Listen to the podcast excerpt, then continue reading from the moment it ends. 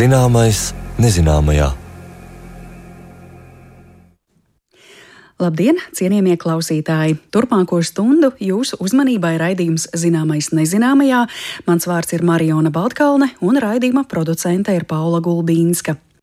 Iepriekšējos gadus esam dzīvojuši Covid-19 pandēmijas varā, kas no jauna mums lika mācīties mazgāt rokas, nesāt līdz šim neierastās sejas maskas un mudināja vēl stingrāk ievērot telpu dezinfekciju. Tomēr pandēmijas laiks nesa arī zināmus labumus, piemēram, vakcīnu un citu tehnoloģiju attīstību, un ar vienu šādu tehnoloģisku risinājumu var lepoties Latvijas Universitātes zinātnieki.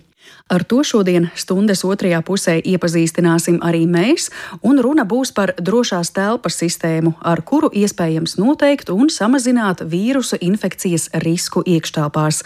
Skaidrosim, kā tas tehniski ir iespējams un kur šāda sistēma varētu noderēt bet jau pieminētās pandēmijas laikā ar zināmām aizdomām skatījāmies uz apkārtējiem, kuri klepoja un šķaudīja. Skaidrs, ka tas ir veids, kā elpceļu infekcijas var izplatīties, bet tieši kāpēc mēs šķaudām, par to stāsts raidījuma pirmajā daļā. Zināmais nezināmajā. Senajā Grieķijā tika uzskatīts, ka šķaudīšana ir zīme no dieviem. Piemēru var atrast eposā par Odiseju, kur viņa sieva Penelope, gadiem ilgi gaidot mājās vīru un mēģinot atkauties no preciniekiem, padzirdējis, ka Odisejs varētu būt dzīvs, saka šiem preciniekiem, ka vīrs, ja viņš atgrieztos un viņu abu dēls Tēlemachs, tiem atrieptos. Pēc Penelopes runas Tēlemachs nošķaudās, un Penelope priecīgi teica, ka tā ir dievu zīme.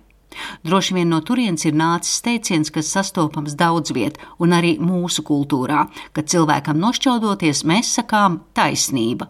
It kā šķavas apliecina iepriekš teiktā patiesību. Katrā ziņā taisnība ir tā, ka degunā ir iekļuvis kāds traucēklis, un mūsu ķermenis, mēģinot atbrīvoties no tā, to veids ar šķaudīšanu. Cik lielā mērā mēs varam kontrolēt šķavas, par kādiem traucēkļiem tās liecina un kāpēc mēs nešķaudām miegā, par to attālināti ierakstītā sarunā iztaujāja otorīno laringologu Dinu Sumeragu. Vispirms ārsts skaidro šķaudīšanas procesu. Šķavas ir zināmā mērā organisma aizsarga reakcija. Tāpat kā, piemēram, klepus, ja, ja uz balsētēm nonāk kāda biezāka gļota vai kāds pepsīns no barības, tad mēs arī atklepojam. Tāpat arī deguna gļotāda, aizdegunas gļotāda, viņa sevi aizsargā no dažādiem putekļiem, putekšņiem, svešķermeņiem, kairinājumiem dažādiem, kas nāk no dažādām tādām ķīmiskām vielām citreiz. Un, lūk, tad e, šī gļotāda ir daudzkārtainais skropstiņa epitēlijs, un e, tas epitēlijs, tās skropstiņas pilda transporta funkciju, novirza visu tās gļotas no deguna tālāk uz aizdeguni. Tur arī gļotšūniņas ražo gļotas, un tālāk tas notek uz aizdegunu, un mēs norijam. Un tā attīrā šī gļotāda. Savukārt, ja pie gļotādas ir klāt kāds svešķermenis vai putekļi, ķieģeļi vai, vai kaut kādas kairinošas vielas, tad uh, notiek šī atgrūšana. Tāpat kā no balsnes klepojot, tāpat arī no deguna gļotādām lielas šīs daļiņas, citreiz arī mazas daļiņas, piemēram, arī tās pašas vīrusu daļiņas mums iet iekšā caur gļotādu, caur aizdeguns gļotādu. Nu, lūk, un um, šīs mazās daļiņas savukārt ir e, pārsvarā šajās te gļotu, tajos pikucīšos. Un tās šķavas tad ir šī aizsarga reakcija reakcija, kad organisms grib atbrīvoties no visa, kas viņam nav vēlams. Un šie nevēlamie kairinātāji var būt putekļi, dažādas alerģijas, piemēram, uz ziedputekšņiem, vīrusi, kas izraisa elpceļu saslimšanu, pikanti ēdieni. Šie traucēkļi degunam man ir saprotami, bet lūdzu ārstam Dinam Sumeragam izskaidrot vienu citu šķaudīšanas iemeslu. Proti, kad šķavs izraisa skatīšanās uz spilgtu gaismu, vienalga vai uz sauli vai mākslīgu apgaismojumu. Ja runājam par tādu kā ietekmi uz acābolu un šķāvām, tad lūk, acis ir saistīta ar asaru kanālu ar degunu, Un, ja ir lielāka kāda asarošana, teiksim, skatoties uz šo gaišo gaismu, tad arī parasti pa asaru kanālu šīs ne tikai acis sāk asarot uz ārpusi, ārpusē, ko cilvēks redz, bet arī zināmā mērā iekšā atkal degunā. Un izdalās šis sekrēts, un ja pa daudz ir sekrēta, tad arī organisms grib atbrīvoties tieši šķaudot. Citreiz ir arī pat reflektorais, gan klepus, gan šķāvas. Mums pat ir tā, ka, ja tīra, piemēram, ausi ar kādu mikroskopu kontrolē, un nereti cilvēkam sākas tāds kā krekšķis, tāds kā arī šķavas, citreiz tādas reflektorās. Bet tā galvenokārt tas ir šis sekrēts, kurš izdalās caur asaru kanālu uz degundobumu, un tālāk jau organisms grib viņu atbrīvot. Interesants ir fakts, ka cilvēks miegā nešķauda, jo tie nervi, kas atbild par šķaudīšanu, miegā netiek stimulēti. Kaut gan Dienas Sumeraks izteica varbūtību par tiešu mehānisku kairināšanu, kas arī guļošam cilvēkam varētu izraisīt šķāvas. Kaut gan Jā, sakairina deguna gļotādu ar kādu spalviņu arī guļot, man tā liekas, viņš tomēr arī var nošķaudīties. Bet miegā vairāk darbojas veģetatīvā nervu sistēma, tā saucamā neapzinātā.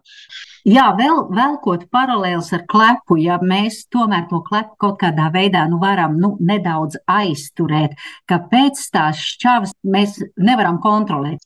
Gan klepu, gan šķavas tomēr cilvēki citreiz mēdz aizturēt, bet pārāk labi tas nav tādā ziņā, ka var šī lielā tāda spiediena rezultātā gan citreiz tās gļotas aiziet uz ausu kanāliem, gan klepu aizturēt aizturot, gan šķavas aizturot. Citreiz labāk ir eh, tomēr neapturēt šo aizsarga reakciju, kas ir organismam, un, un ļauties, lai iztīrās viss, kas nav patīkams gļotādām. Tāpēc, Jā, nu, tāda... tas ir kaut kāds spiediens galvā rodas, ja mēs tā kā nu šķaudām bez skaņas iekšēji. Jā, lūk, šis refleks, šis šķaudiens, bet mēs viņu tā iekšēji noturam, bet tāpat laikā viss jau strādā. Gan šī diafragma, gan elpošanas muskuļi, kuri grib izšķaudīt, tam gaisam būtu jāaiziet ārā, bet mēs viņu ar varu pieturam, un tad viņam nav kur sprukt, un tad viņš mēģina visur citur, kā teikt, deguna dobumos, gļotas grib no deguna varbūt vairāk iesprāgties vai ausu kanālos. Tā kā, manuprāt, kad jau tā šķava nāk, tad labāk viņu izšķaudīt. Bet, eh, protams, ja viņa ir pašā tādā sākumā, tad jā, tad citreiz ar pirkstiem pamasējot ādu starp deguna saknes rajonā, piemēram, vai novirzot šo te uzmanību uz kādu citu kairinājumu, šīs te šķavas var novērst. Bet tad, kad jau viņas jau nāk ārā, tad tajā pēdējā brīdī īsti nav labi aizturēt šo te gaisu gaisu. Tas tur tieši jā, notiek, ka, jā, ka tās šķavas mēs varam apturēt vienkārši piespiežot pie deguna virspuses divus pirkstus. Ko mēs tur izdarām, ka tās šķavas tādā brīdī pārtrūks? Nu, mēs vienkārši novēršam šo uzmanību uz organisma tādu reakciju uh, no deguna gļotādas uz, piemēram, ādu viņu masējot, un tur attiecīgi nu nav mums šis te, kā teikt, šķau refleks. Līdz ar to, zināmā mērā, mēs novēršam tādu kā uzmanību. Un tāpat laikā, ja runājam par šķavām ar citiem pieskārieniem vai kaut kādiem dūrieniem, kaut kur citur ar kādu adatiņu, vai kur var vienkārši novērst to uzmanību no šķavām. Atminos, ka bērnībā man vecmāmiņa mēdz teikt, šķaudi, šķaudi tajā brīdī, kad tu šķaudi, tev sirds atpūšas. Gribu jautāt, jā, jums kā speciālistam, vai tas ir vienkārši kaut kur radies tāds teiciens, vai tur ir kaut kāda saistība ar uh, sirdi? Sirdsdarbību? Nu, arī, zināmā mērā šķavas ir kā gaisa plūsma, tāda pastiprināta gaisa plūsma, un uh, medicīnā ir vairāki šie uh, rehabilitācija, tie elpošanas vingrinājumi, kurus arī veids šie te audiologopēdi, kas rehabilitē šos pacientus, un uh, šie te elpošanas vingrinājumi palīdz gan elpceļiem ātrāk nodrenēties un izveseļoties pacientam, gan arī veģetatīvā nervu sistēma uzlabo savu darbību. Tāpēc, zināmā mērā, varbūt eh, tā bija kāda tāda kā elpošanas ietekme pozitīvā uz organismu. Bet, nu, šķāva ir viena, bet eh, elpošanas vingrinājumu tur jau mēs atkārtojam šo aktīvo elpošanu. Runājot par eh, to, ka tās šķavas nāk no katra cilvēka ārā, vai tas ir saistīts arī ar katra nu, mūsu individuālo ķermeņa uzbūvi, ka viens šķauda tā ļoti skaļi, gari un plaši, citam atkal tā vienmēr ir tā klusu, ka katram cilvēkam savas šķavas. Kā jūs to varat izskaidrot? Tas ir līdzīgi kā katram cilvēkam ir dažādi šie elpceļu tilpumi, gan trahēji, lielie bronhi, gan mutes dobums, deguna blakus dobumi, kas dod šīs virsskaņas. Nu, citam tie ir mazāki dobumi, citam tie ir uh, lielāki, citam gaisa plūsma ir uh, lielāka, citam mazāka, un šīs balss saites arī kaut kādu skaņu piedod, nu, un uh, līdz ar to katram cilvēkam tas ir individuāli individuāli. Tātad šķavas ir organisma dabiska aizsarga reakcija uz kairinātājiem. Ja nāk šķaudiens, neaizturam to, lietojam kabatas lakatiņu vai salveti, vai arī, ja tie nav pie rokas, tad vismaz aizliekam mutē priekšā elkoni, lai kaut cik pasargātu apkārtējos no savām šķavām. Uz veselību!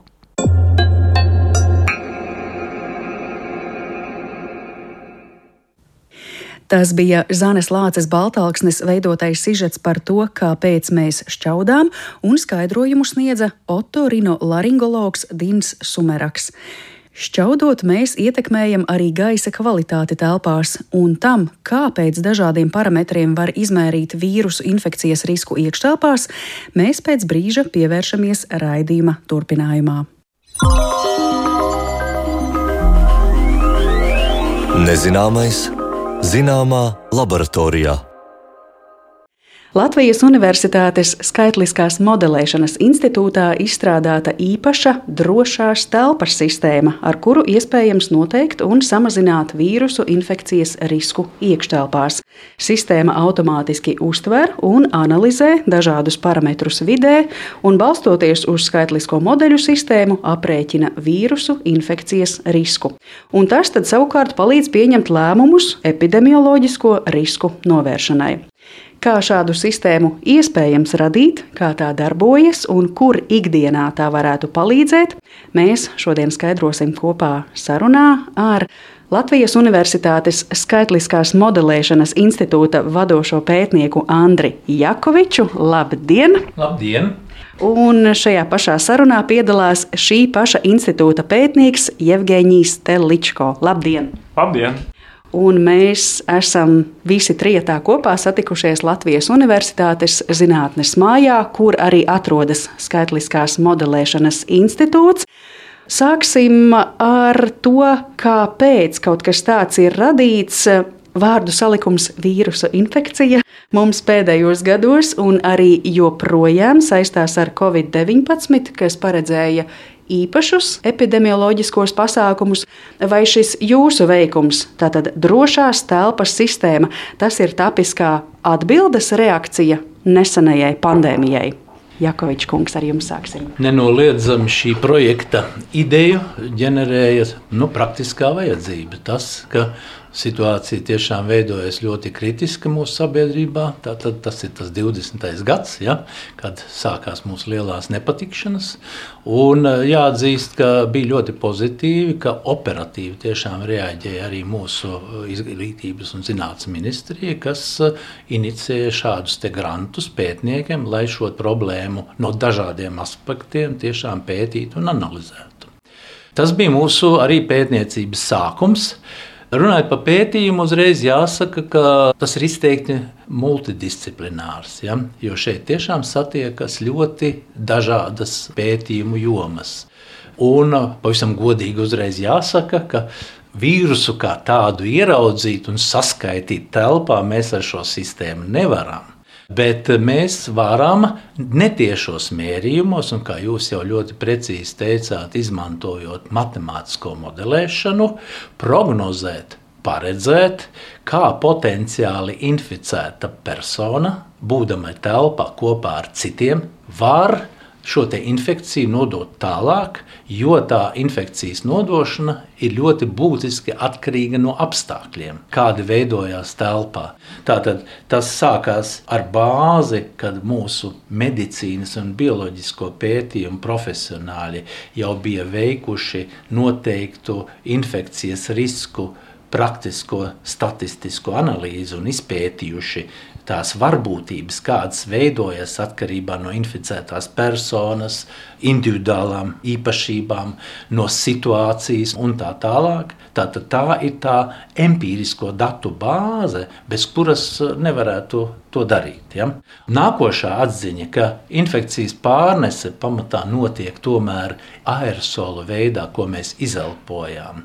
Runājot, dziedot, klepojot, skaļi šķaudot, mēs izmetam ļoti lielu aerosolu daudzumu telpā, un ja mēs esam inficēti, tad, protams, tas var nonākt pie citiem.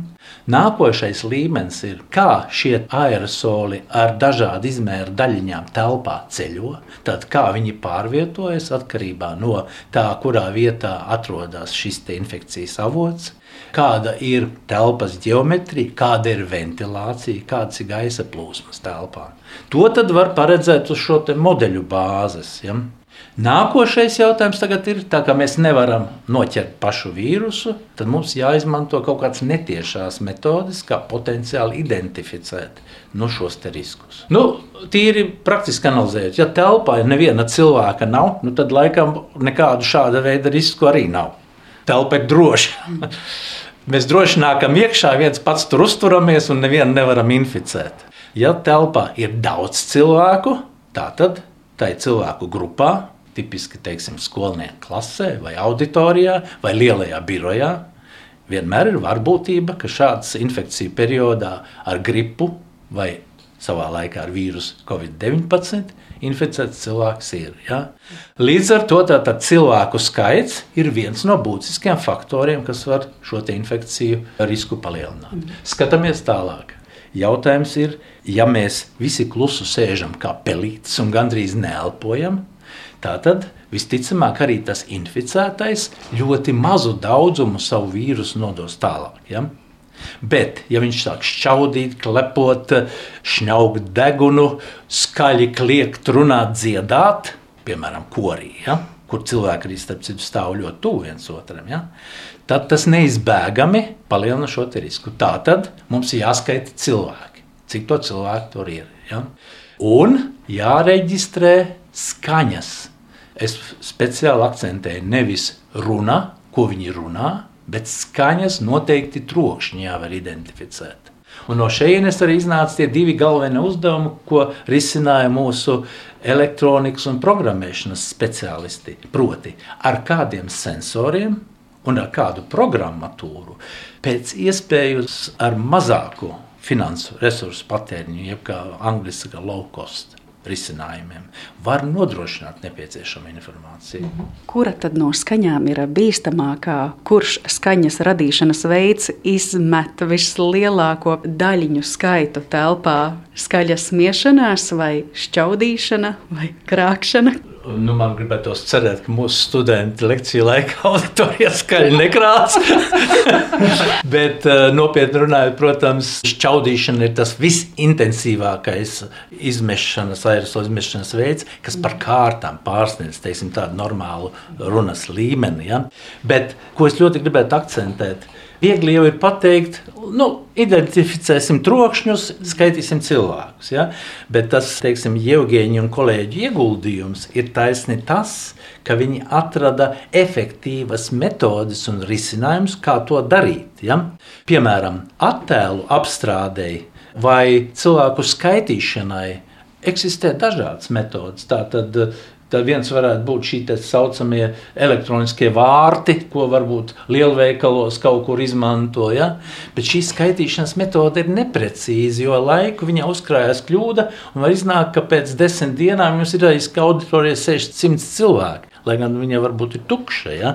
Līdz ar to tā, tā metode, Jevģīns arī pastāstīt, kā tika apmācīti tie programmatūri. Mēs runājam par neironu tīklu risinājumiem šajā gadījumā. Ja? Kā tad to noteikt? Un tieši tas pats attiecas arī uz šo trokšņu identifikāciju. Parasti, kad mēs domājam par šādu sistēmu apmācīšanu, mums uzreiz pirmais nāk prātā, nu, droši vien mākslīgo intelektu mēs ņemam tālāk, lai iekārtu apmācītu. Vai tas ir izmantots arī šoreiz? Un vienlaikus jautājums, kas ir tie neironu tīkli, ko Jakovičs kungs pieminēja? Tie nav tie neironu tīkli, kas mums galvas smadzenēs. Jā, tad, tad, lai apstrādātu skaņas informāciju, attēlu informāciju, mēs izmantojam mākslīgos neironu tīklus, kas ir principā matemātiskais modelis, kurš mēģina savā veidā uztaisīt kaut ko līdzīgu, kas notiek mūsu smadzenēs. Nu, te ir eh, savi izaicinājumi. Tad, tad eh, viena lieta uztaisīt kaut kādu teiksim, tā, prototipu priekšdemonstrējuma un parādīt rezultātu nu, uz kaut kādas mazas datu kopas, kā viss labi strādā. Un pilnībā cita lieta - izveidot sistēmu, kura strādā reālā laikā un lai rezultāts būtu stabils. Un mēs attiecīgi cīnījāmies ar tādu uzdevumu, lai dabūtu stabilu cilvēku skaitu dažādos apstākļos, jo tas telpas varētu būt dažādi. Tas oficiāls telpas varētu būt lielas auditorijas, kur cilvēku skaits varētu būt lielāks par 30. Ja? Tad, tad tur ir dažāds apgaismojums. Otrs izaicinājums arī ir tas, ka, ja mēs paņemsim kaut kādu smuko, labo, dārgo kameru, tad uh, stabilo rezultātu būs vieglāk sasniegt. Bet tas veido jau nu, nekonkurētspējīgu risinājumu, un diez vai kāds tāds būs kādam vajadzīgs. Mm. Tad mēs savus modeļus optimizējam kopā ar tiem dzelžiem, lai padarītu tādu sistēmu, kurā nu, būtu pieejama lielākam cilvēku plāstam. Priekšskaņas analīzes mēs arī izmantojam, mākslīgos neironu tīklus. Mūsdienās eksistē daudz modeļu, kuri, piemēram, ļoti viegli var izdarīt atpazīst runu. Tad, es domāju, ka vairāki cilvēki tagad izmanto telefonos tādus asistentus, lai diktētu tekstu kaut kādam ziņām. Bet klasificēt īslaicīgos skaņas notikumus, kā klepus šaudīšanā, īpaši kaut kāda liela auditorija, kur varētu būt citi trokšņi, piemēram, durvju aizvēršana. Tā, tas savā ziņā bija arī savs izaicinājums, ar kuru mēs diezgan ilgi cīnījāmies. Paldies tām, ka mums, lai izveidot savus algoritmus, ir bieži nepieciešams daudz datu, jā, uz kuriem trenēt tos algoritmus. Un, uh, mums paveicās dabūt datus no Kembridžā Universitātes, kuri iedeva mums tos šķaudīšanas, klepošanas paraugus, kurus mēs apvienojam ar citām datu bāzēm un kopā ar mūsu paštaisīto arhitektūru izveidojam diezgan stabilo sistēmu. Jevgeņī, tad es pareizi saprotu, mākslīgais neironu tīkls, jebkurā gadījumā tas princips ir līdzīgs kā cilvēka galvas smadzenēs, ka tā ir struktūra, kas uztver informāciju, var tālāk raidīt impulsus, nu, tad šajā gadījumā jūs, piemēram, mākslīgos neironus apmācat ar kādu informāciju, un tā pati tālāk zina, ko darīt, kur ko raidīt. Tāds ir aptuveni tas stāsts. Kaut kas līdzīgs ir. Tad, tad, lai apmācītu neironu tīklus, mums vajag parādīt piemērus, kā vajag. Piemēram, šis attēls nozīmē piemēram, trīs cilvēkus. Un tad neironu tīkls skatās uz vairākiem piemēriem un pēc kāda laika saka, saprast, kā jārīkojas. Tomēr smadzenes procesi ir ievērojami sarežģītākie. Mākslīgos neironu tīklos mums nav tik daudz parametru un tik daudz dažādas transformācijas, nekā notiek mūsu smadzenēs. Tomēr kopējā attīstība šajā sfērā sāk tuvoties cilvēku smadzenes sarežģītībai. Tad, piemēram, tas pats GPT modelis, kuru tagad eh, ļoti plaši izmanto gan studenti, gan arī citi cilvēki. Viņu trenējumu parametru skaits jau tuvojas cilvēku smadzenes neironu skaitam. Tagad iespējams pat pārsniedz. Ar ko tad sanāk ir visgrūtāk apmācīt šādu mākslīgo neironu tīklu lai fiksētu cilvēku skaitu, lai fiksētu skaņu, vai, piemēram, lai fiksētu CO2 līmeni telpā? Nu, CO2 ir viens no visvienkāršākajiem, jo tam ir vajadzīgs tikai sensors, kurš pat taisnu mērā to CO2. Tieši tad, tad, mērījums, tad, tur neironu tīkli mums nav vajadzīgi. Jā, bet uh, priekš datorredzes eksistē daudz risinājumu Un tie ir vairāk, manuprāt, attīstīti nekā skaņas klasifikācijas modeļi. Mums bija grūtāk tieši izveidot modeļus, kuri klasificē skaņas mums vajadzīgas, un tad, tad datorredze bija vieglāks uzdevums. Lai gan uzreiz jāpiebilst, ka arī ar šo attēlu un cilvēku skaitīšanu, ja mēs gribam atrast risinājumu lielākai telpai, izmantojot teiksim, tikai vienu sensoru optisko, ja, tad uh, arī tur rodas problēmas, jo jūs iztēlojaties fotoaparātam arī šaurleņķa, platleņķa un šis redzes leņķis var būt atšķirīgs. Ja mēs gribam panākt, lai lielā telpā ar minimālu kameru skaitu, vislabāk jau ar vienu pašu, kas kaut kur stūrītī ir nolikta, tiek pārklāta visa telpa, telpas redzamība un visi cilvēki tiktu saskaitīti. Tad izrādās tradicionālās attēls regulārais, tādu kādu mēs viņu fotografiju lietojam, ir slikts. Tam ir daudz labāks tā saucamās zivs acis kameras, kuras skata leņķis var būt līdz 180 grādiem. Ja? Savukārt tas nozīmē, to, ka tas attēls tiek būtiski kropļots, telpiski. Un tad, lūk, lai šādu attēlu analizētu, tur ir atkal savi izaicinājumi, ar kuriem kolēģiem nācās ļoti rūpīgi strādāt. Tātad izmantot metodis, kā šo attēlu pārveidot tādā formā, lai iegūtu precīzo informāciju. Tad tur tika izveidot papildus programmatūras rīki šo attēlu analīzē. Un tad rezultātā, protams, var iegūt arī ļoti labu attēlu skaitīšanas kvalitāti. Ja? riska novērtēšanai visi šie parametri, par kuriem mēs līdz šim jau esam runājuši, ir vienlīdz svarīgi. Tie visi tiek likti kopā un katram ir sava loma, lai tad pateiktu, kāds ir risks, vai tomēr kāds no šiem faktoriem - skaņa, CO2, cilvēku skaits ir būtiskāks no visiem komponentiem.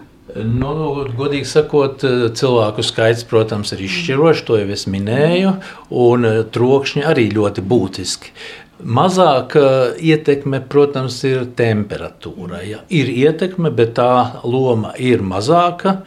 Un arī CO2 līmenis faktiski ir sava veida netiešs indikators tikai, jo iztēlojieties, telpa var būt neveidināta ar lielu ogskābās gāzes daudzumu gaisā, arī apstākļos, ka tur neviena cilvēka nav. Līdz ar to tas tiešā veidā neraksturos situāciju, bet daudzos gadījumos šis CO2 līmenis ir kā papildus indikators situācijas sistēmas mainībai. Un eh, te varbūt arī Jevģīnis var drusciņi pastāstīt par to, kur mēs redzam šīs sistēmas lietojumus arī ārpus no šīs vīrusu infekcijas apkarošanas mērķiem. Ja? Jā, tad, tad eh, varbūt Covid infekcija tagad nav tik aktuāla, tomēr gripā vēl joprojām ir aktuāla. Bet eh, kā vēl papildu vērtību no mūsu sistēmas var dabūt, Tas ir tas, ka dati no mūsu sistēmas varētu dot daudz vērtīgās informācijas ekuvādības sistēmai. Tātad eh, CO2 līmenis un cilvēku skaits varētu būt efektīvi izmantoti, lai optimāli vadītu ventilāciju. Piemēram, tad, ja mēs vienkārši slēdzam ventilāciju uz kaut kādu konstantu vērtību, Un kad telpa nav cilvēku, un īstenībā viņai nu, varbūt nav jāstrādā tik intensīvi. Ja mēs zinām, ka tur nav tik daudz cilvēku, tad varbūt to vērtību var samazināt un tad saglabāt daudz enerģijas. Interesanta statistika, ka cilvēki pavada no visa savas dzīves laika 87% iekštelpas. Tas ir nu, ļoti daudz, kas būtiski biedējoši. Jā, tad, tad kas būtiski ietekmē uz mūsu stāvokli. Un, ja mēs atrodamies piemēram telpā, kur ir ļoti augsts CO2 līmenis, un sistēma par to neko nezina un nepalielina ventilāciju, mēs esam mazāk produktīvi, mēs jūtamies sliktāk. Tad, tad integrējot papildus mērījumus eku vadības sistēmas, var nu, būtiski uzlabot gan energoefektivitāti, gan arī cilvēku produktivitāti un nu, cilvēku stāvokli. Mm -hmm. Šie divi parametri viens otru papildina. Ja? Jo tikai CO2 vai tikai cilvēku skaits izsaka tikai daļu no informācijas, kas nepieciešama. Ja? Un tādēļ bieži vien modelī. Protams, nevar ļoti kategoriski pateikt, nu, kurš ir vissvarīgākais. Protams, ir svarīgāki un mazāk svarīgāki aspekti. Ja? Turpinot, tātad mēs izrunājam tās lietas, kas ir modeļa pamatā, mm -hmm ka tiek eh, prognozēts un tiek sensori un programmatūra izmantoti, lai nonāktu pie šī tā saucamās riska funkcijas, to aprēķina rezultātā. Nu, mēs nosacīti to risku uzskaitām mērvienībās no 0 līdz 100%. Tātad, bet eh, paralēli šai sistēmai mēs paredzam arī eh, risinājumu, ne tikai tādu risinājumu, ka cilvēks tādā telpā neiet. Ja? Tātad, pirmkārt, viņa rīcībā nonāk telefona aplikācija, kurā viņam skaidri parāda, kādi šai telpā apstākļi dotajā brīdī eksistē, kā viņi mainās. To viņš redz savā telefonā. Un, principā, mēs izstrādājam arī kombinēto variantu.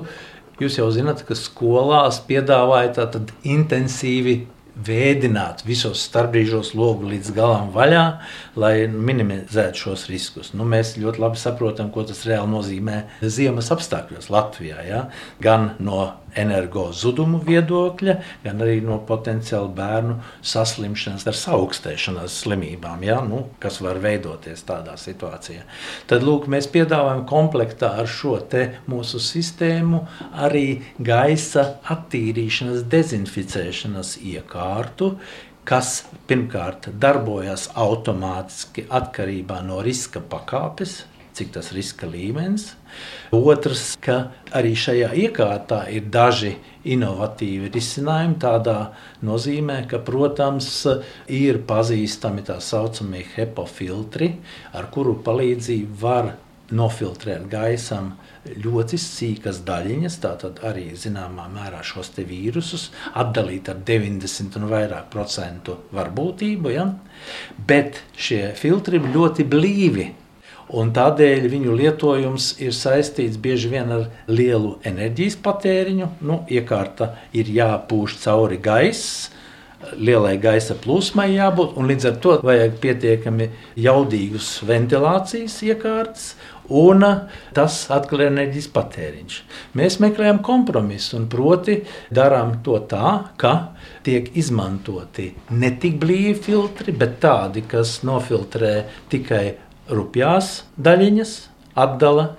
Savukārt sīkās daļiņas, uz kurām var joprojām atrasties šie vīrusi, tās tiek dezinficētas izmantojot ultravioleto gaismu 253 nanometra viļņa garumā, kas ļoti efektīvi sagrauj šos vīrusus. Un tādā veidā kombinējot, mēs panākam augstāku energoefektivitāti. Pie kam šis viļņa garums ir arī drošs atšķirībā no senos laikos lietotājiem ozonācijas paņēmieniem, kas efektīvi var dezinficēt gaisu, bet atstāja arī negatīvu ietekmi uz cilvēka veselību. Šādu metodi mēs nevaram lietot cilvēkam esot telpā, un Eiropas Savienības regulācija nosacījumi to neatļauj. Ja? Bet mēs varam lietot šādu kombinēto metodi, un tad ja mums ir izstrādāti arī šādu gaisa attīrīšanas, kombinēto gaisa attīrīšanas iekārtu prototipu, kuru vadība notiek pilnīgi automātiski izmantojot šo modeli. Ja, tad cilvēks tur neiesaistās mm. tajā darbībā. Tas ir tas klasiskais princips, ko cilvēki parasti saprot, eh, kā gaisa attīrīšana ar kvarca lampām. Tas ir kaut kas līdzīgs, kā šajā gadījumā tas notiek, vai tas ir jau cits līmenis? Šī gadījumā tās nav tā saucamās kvarca lampas, tās ir joprojām dzīvesudraba lampas. Mēs zinām, ka dzīvesudraba drabā, protams, nav vēlams elements. Ja? Bet uh, viņam ir tā labā īpašība, ka šīs gāzes lampas sniedz vajadzīgā diapazona viļņa garuma gaismu, ultravioleto, kas efektīvi šo vīrusu apkaro. Protams, lampas nevajag daudzīt. Ja?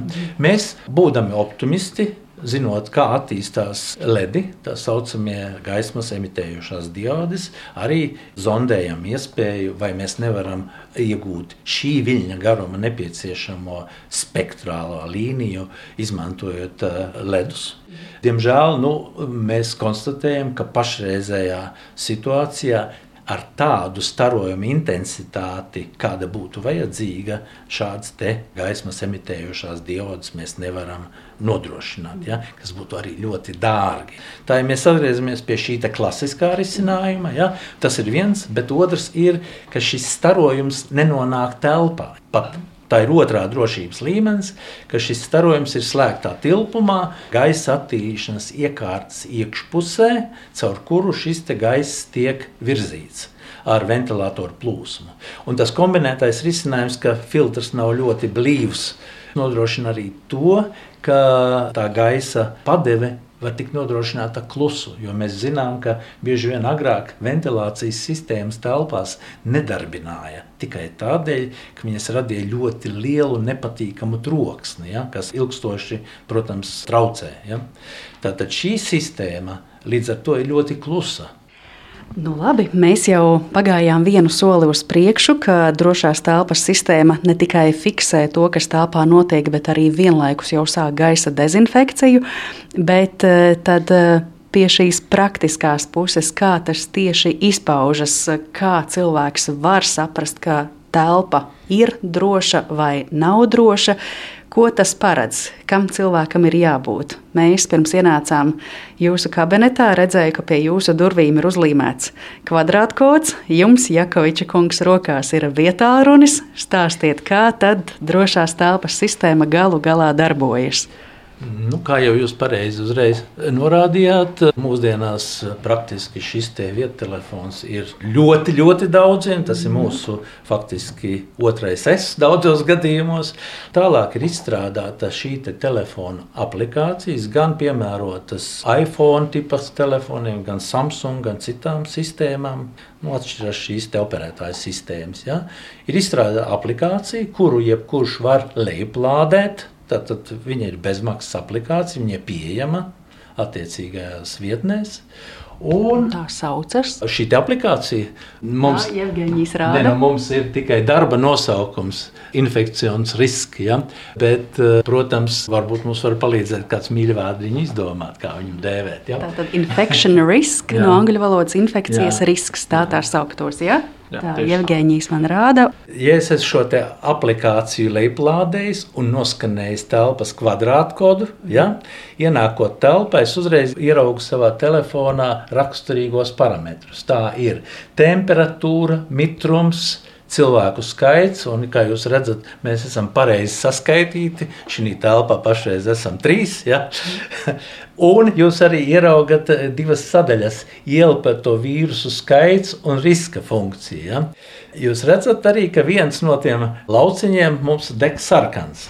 Jā, tad es pateikšu klausītājiem, tātad lietotnē ir redzamas vairākas tādas horizontālas joslas, un ja viss ir kārtībā ar rādītājiem, tad šī josla ir zaļā krāsā. Šobrīd mums risks ir 0%, temperatūra 21,11 grādi pēc Celsija, mitrums 42,95%. Viss kārtībā, tie joprojām ir zaļā krāsā, cilvēku skaits 3, kā mēs jau runājām ieelpoto vīrusu skaits arī izskatās, ar to viss ir labi 0,01.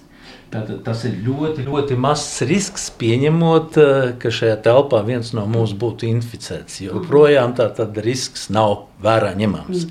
Bet, eh, Bet CO2 jūs redzējāt, ka vienu brīdi CO2 līmenis jau bija iededzies un rādīja sarkanu. Šis lauks bija virs 1000 ppm vienībām kas jau cilvēkam faktiski sāk kļūt nelabvēlīgi.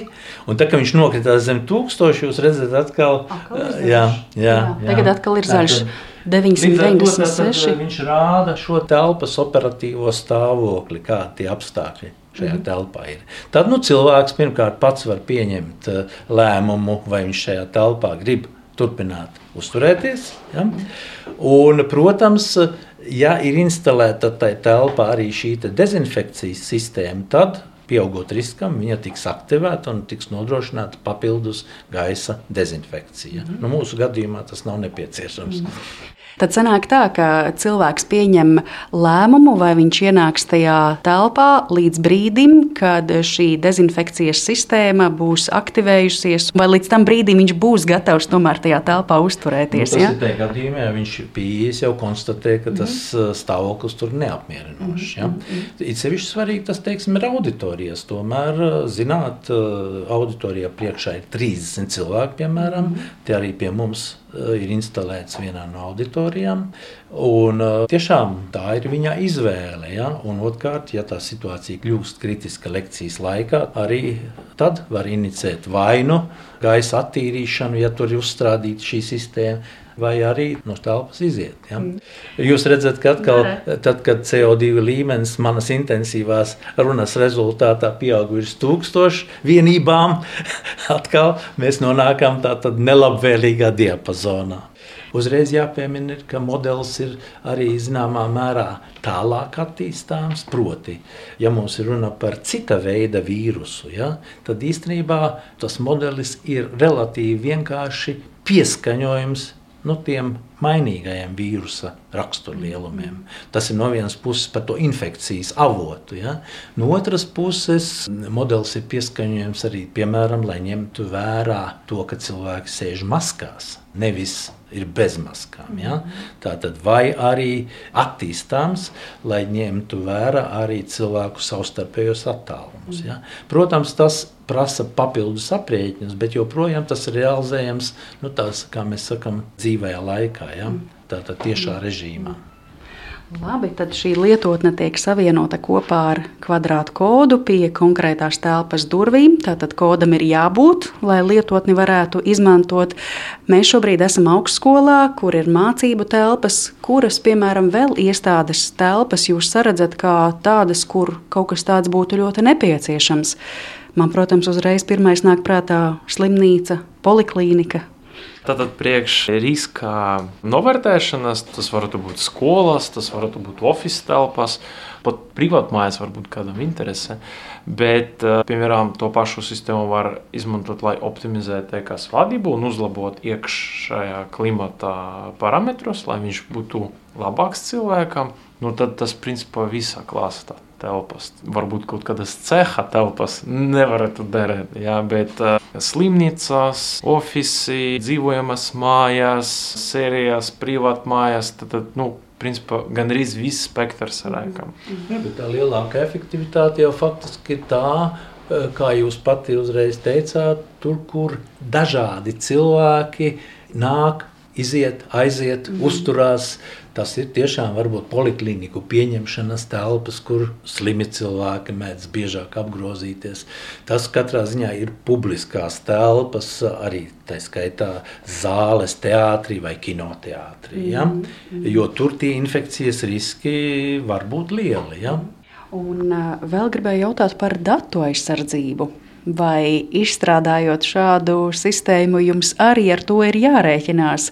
Jo it kā jau varētu likties, nu kā, nu tas, ko es nošķaudu vai noklapojos, vai tad uz to ir datu aizsardzība nepieciešama? Nu, tas eh, faktiski ir ļoti principiāls jautājums. Ja? Mēs ļoti labi zinām, kādas ir privātuma prasības. Piemērs ir mūsu labi zināmā video novērošana un tie noteikumi, kas ar to ir saistīti. Ja? Tātad mūsu gadījumā ir viena priekšrocība, ja? ka mēs īstenībā neglabājam nekur ne šos te attēlus, no kuriem tiek uh, saskaitīti cilvēki, ne arī ierakstam skaņu, tātad cilvēka runu saturu. Ja? Tas mērķis faktiski ir tāds virzīties uz to, ka šis elektroniskais sistēmas modulis uzreiz no šīs sākotnējās informācijas izvelk ārā mūsu vajadzīgo parametru. Un tas ir vienīgais, kas tiek sūtīts, pārsūtīts tīklā un uzglabāts arī datu bāzē, bet attēli un skaņu ieraksti kā tādi datu bāzē netiek uzglabāti. Taisnība mēs trenējot sistēmu, protams, izmantojām gan attēlu virknes, gan Jēgeņa minētos skaņu ierakstus. Bez tiem to izdarīt nevar.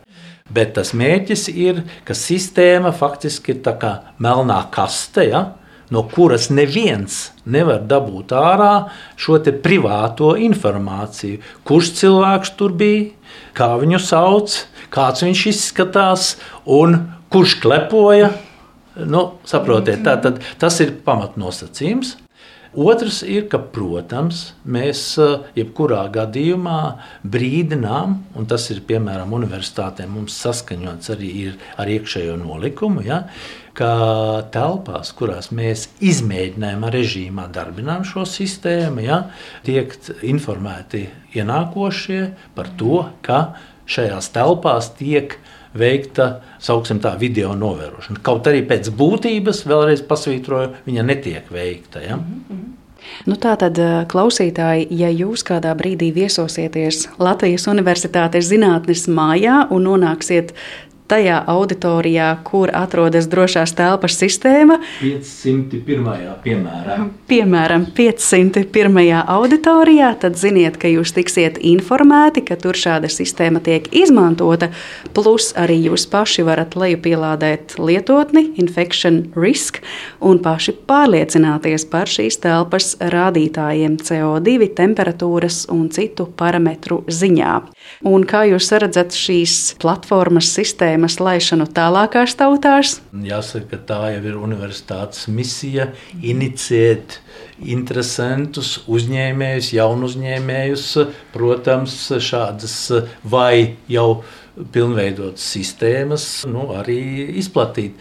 Universitāte, protams, mēs esam kopīgi izstrādājuši šo projektu līdz tā saucamajai TRL līmenim, septiņi. Nu, tad, kad ir izstrādāts sistēmas prototyps, mm. kas pilnvērtīgi darbojās reālos eksploatācijas apstākļos, bet, protams, lai viņu varētu ražot, ir jāizstrādā konkrētā ražošanas tehnoloģija līdz galam, nu arī iekārtas dizains ir jānoved. Man, protams, te jāakcentē, ka piemēram, viena no gaisa attīrīšanas iekārtas prototipiem, kas mums te blakus telpā stāv, faktiski gan projektu, gan dizainu, gan realizāciju kā tādu kolēģis Jevģīnijas no sākuma līdz galam pilnvērtīgi realizēja. Tā skaitā arī šī elektronisko sistēmu, kas tur ir instalēta. Mm -hmm.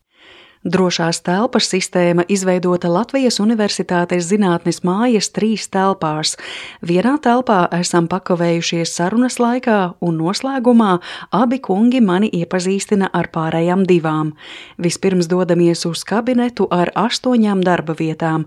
Šo telpu Jevģēņīs Teličko sauc par eksperimentālo poligonu, jo tajā atrodamas vairākas kameru un sensoru versijas, kas laika gaitā testētas. Tāpat Tāpat aplūkojam gaisa attīrīšanas iekārtu, tā arī ir daļa no drošās telpas sistēmas. Bet pēc tam situāciju pārbaudām pie auditorijas, kas paredzēta 30 cilvēkiem. Atkal ar lietotnes palīdzību skenējam kvadrātkodu pie durvīm, un šoreiz viena josla lietotnē iekrāsojas zilā krāsā. Tātad nevis kaut kas ir par daudz, bet par maz, un telpā ir pārāk zems mitrums. Dažus ilustratīvus foto varat aplūkot pie šī raidījuma ieraksta radio tīmekļa vietnē. Un par stāstu zinātnes mājā es saku paldies Latvijas Universitātes Skaitliskās modelēšanas institūta vadošajam pētniekam Andrim Jakovičam un pētniekam Jevgeņiem Teličko. Mūsu raidījums šodien izskan, to veidoja Paula Gulbīnska, Zanelāce Baltāksne, Girts Bišs un Mariona Baltkalne. Uz sadzirdēšanos atkal nākamreiz!